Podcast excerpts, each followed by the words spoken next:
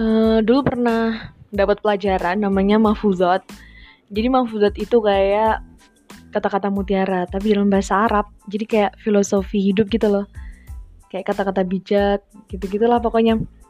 Uh, jadi itu adalah pelajaran yang paling aku suka ketika aku masuk ke lingkungan pondok.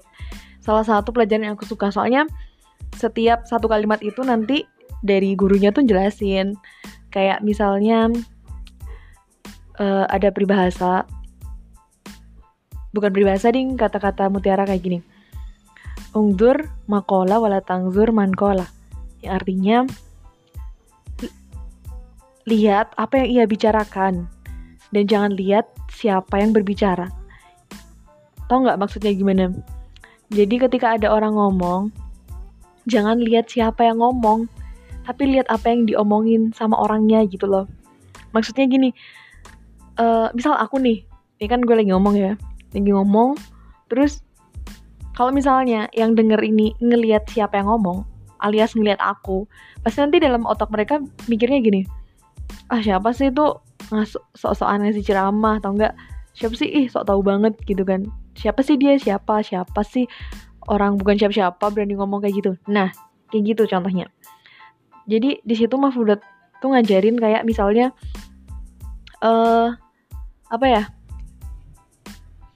Apa yang dia bicarakan gitu. Jadi apa yang dibicarakan oleh orang itu bukan siapa yang bicarakan. Padahal ini tuh ngaruh banget sama ilmu yang bisa kita terima. Karena kalau misalnya kita udah sampai ada pikiran di otak kita Allah siapa sih itu yang ngomong? kayak gitu misal. Itu udah jadi salah satu faktor untuk menghalangi ilmu itu masuk.